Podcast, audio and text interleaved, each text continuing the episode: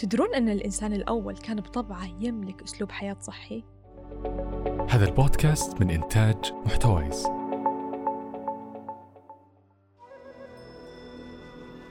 ما بالغ إذا قلت إنه كان يأكل الأوراق الخضراء اللي أنسقت بالموية الصافية واللحوم حقتها كانت طازجة مية بالمية من مواشي تاكل علف نظيف. وصل فترته لاكتشاف سلالات القمح والشعير كل عناصرها توفر له بالمكان والزمان اللي تحدد الطبيعة. ما يقدر يتدخل فيها. كمان كان يقدر يحصل قيمة غذائية منها تعاون على الكد والعمل الشاق. ومع مرور مئات السنين تطورت هالحاسة عند الإنسان وصار بغريزته يتتبع أي مكان ممكن يخليه يلقى أصناف طعام تشبه ذاك الأكل الصحي اللي ما غاب ولا يوم عن عقله اللاواعي. حياكم الله جميعا في بودكاست عند اللزوم أنا ريوس حباني. وهذه حلقة خاصة عن الأكل العضوي ودورة في تحسين جودة الحياة برعاية أسواق التميمي. من تسافر للخارج وتبدأ تجرب أكلات ونكهات مختلفة تلقاك مباشرة تقارن أصناف بأصناف. مثلا عمر التمر ما يعجبك لما تاخذه من متاجر برا السعودية. تحس أن التمرنة هو رقم واحد وما له منافس. بس لما تقارن طعم فاكهة بفاكهة مزروعة هنا أو نكهة أكلة باللي تقابلها بمطبخنا أو نسختها المحلية عندنا تتولد عندك مفضلات. هذه أزين هذه أطعم حقتنا ألذ وهكذا. بغض النظر أن مفضلاتنا بالأكل أصلا مختلفة إلا أن في فروق في الطعم والنكهة ما تقدر تتخطاها. قد مر عليكم الاختبار اللي يقول علمني وش تحب تأكل؟ أقول لك شخصيتك لو كانت بيتزا باستا سلطات أو لو تحب الفواكه المجففة الشوكليت أو الموالح ولا الحلو. تطلع لك صفات مثل طموح منفتح على التجارب الجديدة متفائل عصبي كسول وكملوا هذه القائمة. أكيد هذا الكلام كله مو علمي بس مو سر أن الأكل الصحي له تأثير كبير على عافيتك وتجاربك وعلى اتزانك الذهني وشخصيتك في عالم مشغول على طول.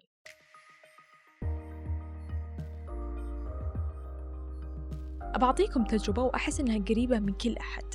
فأول ما تنتظم بالجيم أو النادي وتصير تتمرن كل يوم. هنا يبدأ اختبار حقيقي لمعدل لياقتك وعافيتك البدنية. فهل أنت جسديا قادر أنك تتمرن باستمرار؟ أو أن النواقص في العناصر الغذائية تهدك بدنيا وتخليك تاخذ فترات راحة من تمرين للثاني؟ بحسبة الكميات والسعرات أغلبنا ياكل زين ومحافظ على نمط تغذية متوازن. لكن هذا مو المعيار الدقيق لقياس العملية. فالجودة أهم من الكم. يعني وش نوع الأكل اللي أنت تحرص أنك تاكله بسعرات يومية منتظمة؟ في دراسة علمية قارنت بين خمس أنواع مختلفة من المحاصيل الغذائية. بعضها عضوي وجاري الحديث في التفصيل عنها بهذه الحلقة والبعض الثاني غير عضوي. كانت النتيجة أن الحديد كان أعلى في الخضار والفواكه العضوية بنسبة 21% و27% من فيتامين سي كان أعلى و29.3 من المغنيسيوم كان أعلى. وفوق هذا كله هي أفضل من ناحية الطعم. فمثلا الإندومي منتج من دقيق القمح والإندومي اللي عندنا مصنوع من الدقيق السعودي الفاخر. ماني بصدد إني أحلل قيمتها الغذائية الآن لكنها تفك أزمة الجوع متأخر بعد نص الليل. ما تأخذ وقت. تخيل إنك حضرتها وأكلتها مع مشروب غازي من 30 ملي نظريا هالشيء راح يأثر على تمرينك بالجيم بكرة. بالمقابل في شخص ثاني حس بالجوع مثلك وأخذ تفاحة عضوية أو حبة كمثرى. تعالوا نتكلم عن الأغذية العضوية. أفضل نموذج للتغذية الصحية ويمكن الأكثر ارتباطا بجذور الإنسان الأول لأن طريقة إنتاجها بالضبط على النمط القديم. فكبار السن هم أكثر ناس يقدرون يميزون تغير طعم المحصول الغذائي اللي ناكله اليوم واللي تماما مختلف عن أيامهم لأنها كانت أقرب للعضوية. وشيء حلو أن كثير من الأشخاص صاروا يتجهون بشكل أكبر للأطعمة العضوية وفاهمين قيمة هذه الأغذية. كيف إحنا كمستهلكين توصل لنا الأغذية اللي ناكلها بشكل يومي؟ والفكرة هذه قاعدة تنتشر بشكل أكبر وأكبر.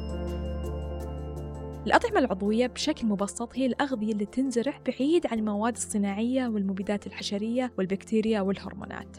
فزمان كان البعض يتوقع أن أكل الخضروات والفواكه وغيرها من النباتات هي الطريقة السليمة لاتباع نظام صحي ولكن الحقيقة مختلفة مرة.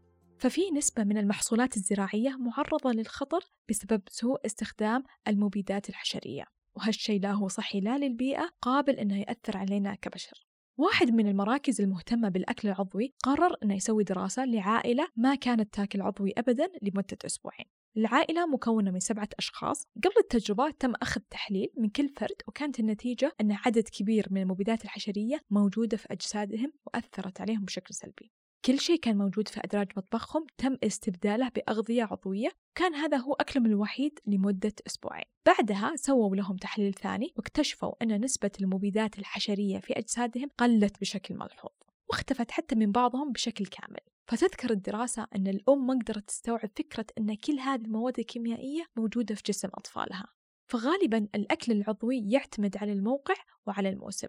ولو فكرنا فيها بشكل منطقي من الصعب أنك تستفيد من فاكهة زي الرمان مثلا في موسم غير موسمه إلا بتدخلات كيميائية لإنتاجه أما العضوي فينتج فقط في موسمه.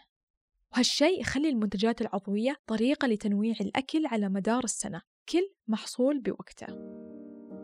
كثير من المنتجعات الراقية استوحت هالفكرة وصارت تطبق الثيم العضوي باستخدامها الأطعمة في الطهي والاستغناء عن إضافة المنكهات اللي تحسن الطعم. وهذا معناته أن تأثير الأكل العضوي يساعد بتحسين تجربة التذوق عندنا.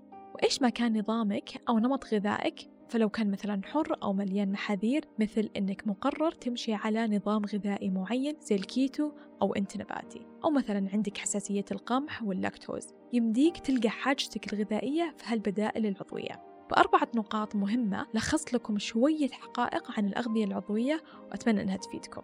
رقم واحد الأغذية العضوية هي أفضل طريقة نقدر نتفادى ونتحدى فيها السموم الكيميائية. رقم اثنين أثرها الصحي مستدام مو بس اليوم ولا بكرة بل لها تأثير بشكل دائم في حالة الاستمرار على استهلاكها والسبب يرجع لاحتوائها على نسبة عالية من الفيتامينات والمعادن والإنزيمات. رقم ثلاثة طعمها مختلف ونكهتها لذيذة لأنها تنمو في تربة تم إدارتها وتغذيتها بمعايير دقيقة ومسؤولية بيئية. وآخر نقطة مستحيل أن الأغذية العضوية تكون معدلة جينيا. فلما تشتري منتج عضوي تأكد أن مكتوب العبوة خالية من الجي ام أو بختم بمعلومة نسمعها كثير وهي أن الأطعمة العضوية دائما ما يكون سعرها مرتفع ما هي في متناول اليد وهذا اللي يعيق قراراتنا الصحية. وأنا أشوف الموضوع شوي من زاوية ثانية لأن القيمة الغذائية في الأغذية العضوية تعتبر عالية وتناولها يعتبر استثمار كبير في صحتك اللي هي أساس كل شيء. فإذا ميزانيتك تسمح لا تقصر بأن خياراتك كلها تصير من هالقبيل لا تتردد الدعوة جودة حياتك. سعدت مرة باستماعك للحلقة وبهالموسم من عند اللزوم موضوعات متعمقة تلامس اهتمامك بالصحة والوعي. شارك الحلقة لأصحابك وأنا كنت معكم ريما سحباني وخليك عضوي. بإمكانك الاطلاع على مصادر وتقارير مجانية لكل ما يخص البودكاست على موقعنا محتوايز دوت نت.